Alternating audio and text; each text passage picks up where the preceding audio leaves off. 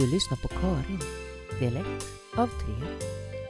Jag, Mia Kamit, ska snart läsa min 21 novell Karin för dig. Men innan jag börjar vill jag dela några tankar med dig som föranleder novellen. Är du med? Har du också upplevt att du ser på någonting med helt nya ögon? Det kanske bara är jag, eftersom jag funderar väldigt mycket kring just seende och mina ögon just nu. Min man har kostat på sig nya linser för att kunna se skarpt som en falk resten av livet och slippa glasögon. Medan jag är dömd till starr och oro runt en rad omständigheter med mina ögon. Än ser jag någorlunda bra, men jag oroar mig lite för att synen skulle börja svikta så pass att jag var tvungen att avstå från väldigt många saker som jag tycker om. Det skulle till exempel vara svårt att skilja ogräset från sådden i grönsaksodlingen eller klippa bort de vissna blomfnasen från min älskade röda verbena. De är farligt lika de nya blomknopparna och går lätt att förväxla. Det vore förfärligt trist om jag inte såg kantarellerna jämte de gulande björklöven i skogen eller min älskade hackspett i äppelträdet. Och det var bara några axplock från natur och trädgård. Tänk att gå miste om de kommande barnbarnens små ansiktsuttryck eller första huvudfoting på ett papper. Utan syn skulle det också bli svårt att läsa, skriva och sitta vid pianot. Nej, hur jag vill inte tänka på det ens. Jag får hoppas på läkarkonsten och framtida innovationer. Men det finns fler sätt att se på saker. Jag mötte en gammal elev som sa att jag var mig på pricken lik och såg likadan ut som jag alltid hade gjort. Och det är då sannligen inte sant. Håret har grånat och kilorna ökat och åldern har satt sina spår både här och där.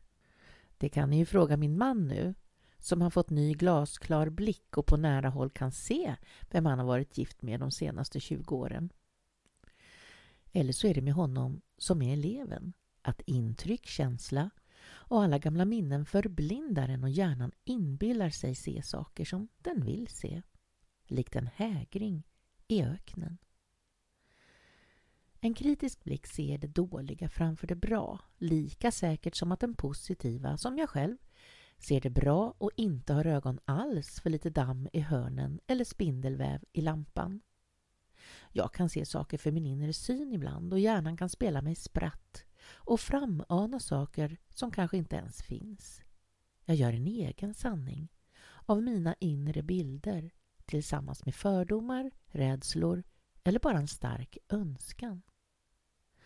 Jag minns när mina barn mycket besvikna kom hemcyklande från en av mina kollegor och jag frågade vad som var fel. De svarade att de ringt på dörren på hennes hus för att be att få titta på hennes kattungar. Kvinnan hade nämligen sagt något om att hon hade det hemma. Det hon hade menat och mina döttrar den hårda vägen fick lära sig den gången var att om man inte tar tag i och städar bort sina dammråttor på golvet så förvandlas de mycket snart till kattungar. Och tog man inte itu med dem så blev de snart till hundvalpar. Flickorna däremot hade för sin inre syn föreställt sig små tumlande pälsknyten under kvinnans säng som de kunde leka och kela med en stund. Novellen om Karin ska inte handla om något av de exempel jag hittills rört mig kring utan att man kan bli varse på vilket sätt man ser på saker eller en människa. Jag har många gånger funderat på vad jag har sett i en person som jag plötsligt får känslan av vara mig en fullständig främling.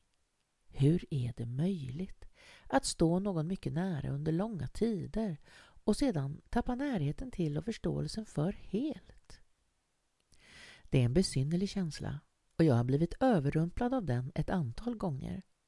Det behöver inte alltid föranledas av någon dispyt eller att vi har varit oense på något vis. Inte på sikt i alla fall. När jag sedermera träffar en sån person så ser jag verkligen inte det jag vet att jag faktiskt såg i hen en gång.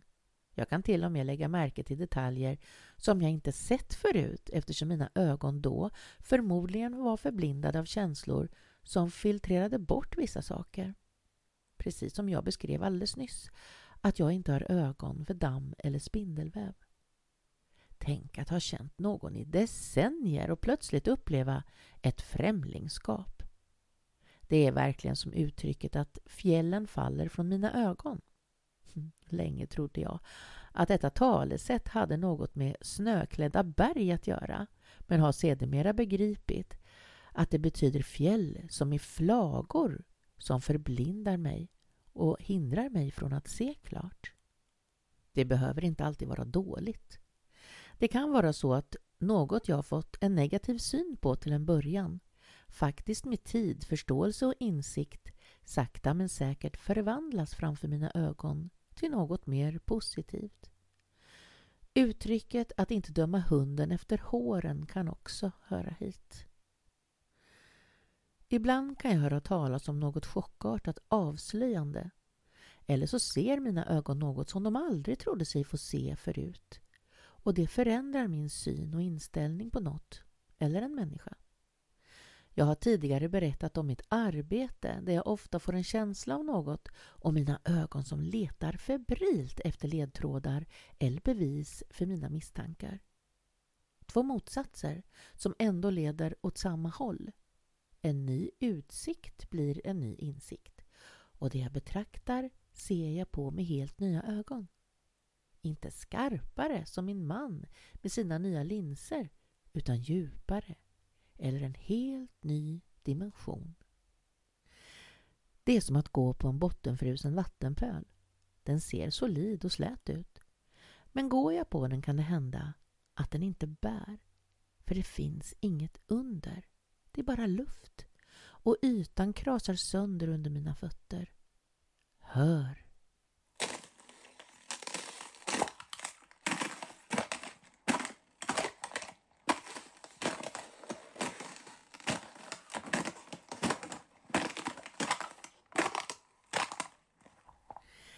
Det är en både tillfredsställande känsla tycker jag och ett underbart krispigt ljud.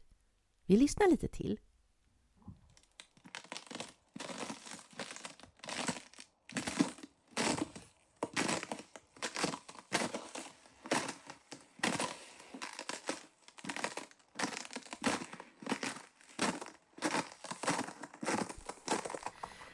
Jag ber om ursäkt för avbrottet. Hur är det med dig? Kan du motstå att gå på en frusen vattenpöl? Jag kan förstå fenomenet att någon psykiskt trycker undan vissa signaler och intryck för att de inte vill se saker och plocka fram dem för granskning. Innebörden av visst handlande får en bekväm förklaring och döljs i efterkonstruktioner för att bli uthärdlig. Tecken eller för omgivningen tydliga indikationer som pekar på något illa slätas för den drabbade över med diverse ursäktande omständigheter och sluts djupt in i dolda rum. Men den sköra väggen krackelerar i tid och otid och det som göms där bakom sticker ut sina vassa strålar och skadar. För att slippa eländet måste den skyddande fasaden slitas ner. Insidan måste blottas och brottas med tills dess att det bara finns ett litet skrynkligt russinliknande faktum kvar som personen behöver förhålla sig till. Ja, så är det. Det är min börda och det går inte att göra ogjort.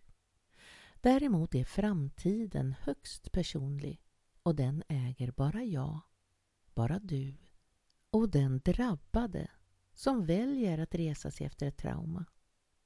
Märkte du mina måsten? Jag som brukar hävda att jag undviker ordet måste. Nu använder jag två måsten och bara ett behöver.